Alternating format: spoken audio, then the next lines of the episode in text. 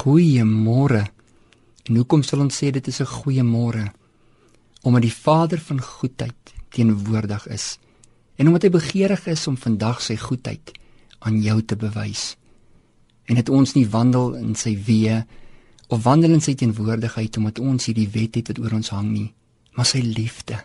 Dat God begeer om vandag saam met jou te wees. Hy begeer om in daai oomblikke wat jy beleef waar jy oorwinning nodig het om teenwoordig te wees. En dat hy gekom het om vandag vir jou te sê, maar in al hierdie dinge is jy meer as 'n oorwinnaar deur hom wat jou liefgehad het. En saam met die apostel Paulus kan ek sê dat geen naaktheid of gevaar of swaard sal teen jou opstaan vandag nie, want hy wie vir jou is, is sterker as hy wie teen jou is. Hierdie naaktheid waarvan die apostel Paulus praat, soms kom skeer die mense die heerlikheid waarmee God jou bekleed het van jou af. Soms kom mense en noem jou name.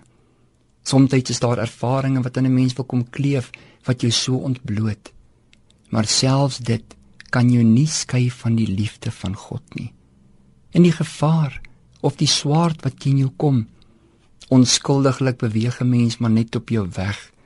En dan kom daar dinge en omstandighede jou pad langs gevaar.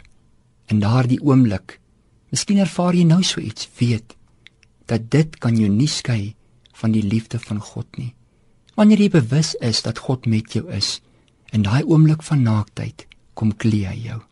In daai oomblik van gevaar kom beskerm hy jou en gee jou die versekering dat hy met jou is, dat hy Immanuel is en dat jy nie alleen is nie. En wanneer die swaard teen jou opgetel word, wanneer die vyand is wat jou lewe bedreig, Ja selfs nie is die swaard kan jou skei van die liefde van God wat daar in Christus Jesus is nie. Ek wil jou vanoggend kom herinner. My laaste keer saam met jou. God het jou vir altyd lief. Ek groet jou.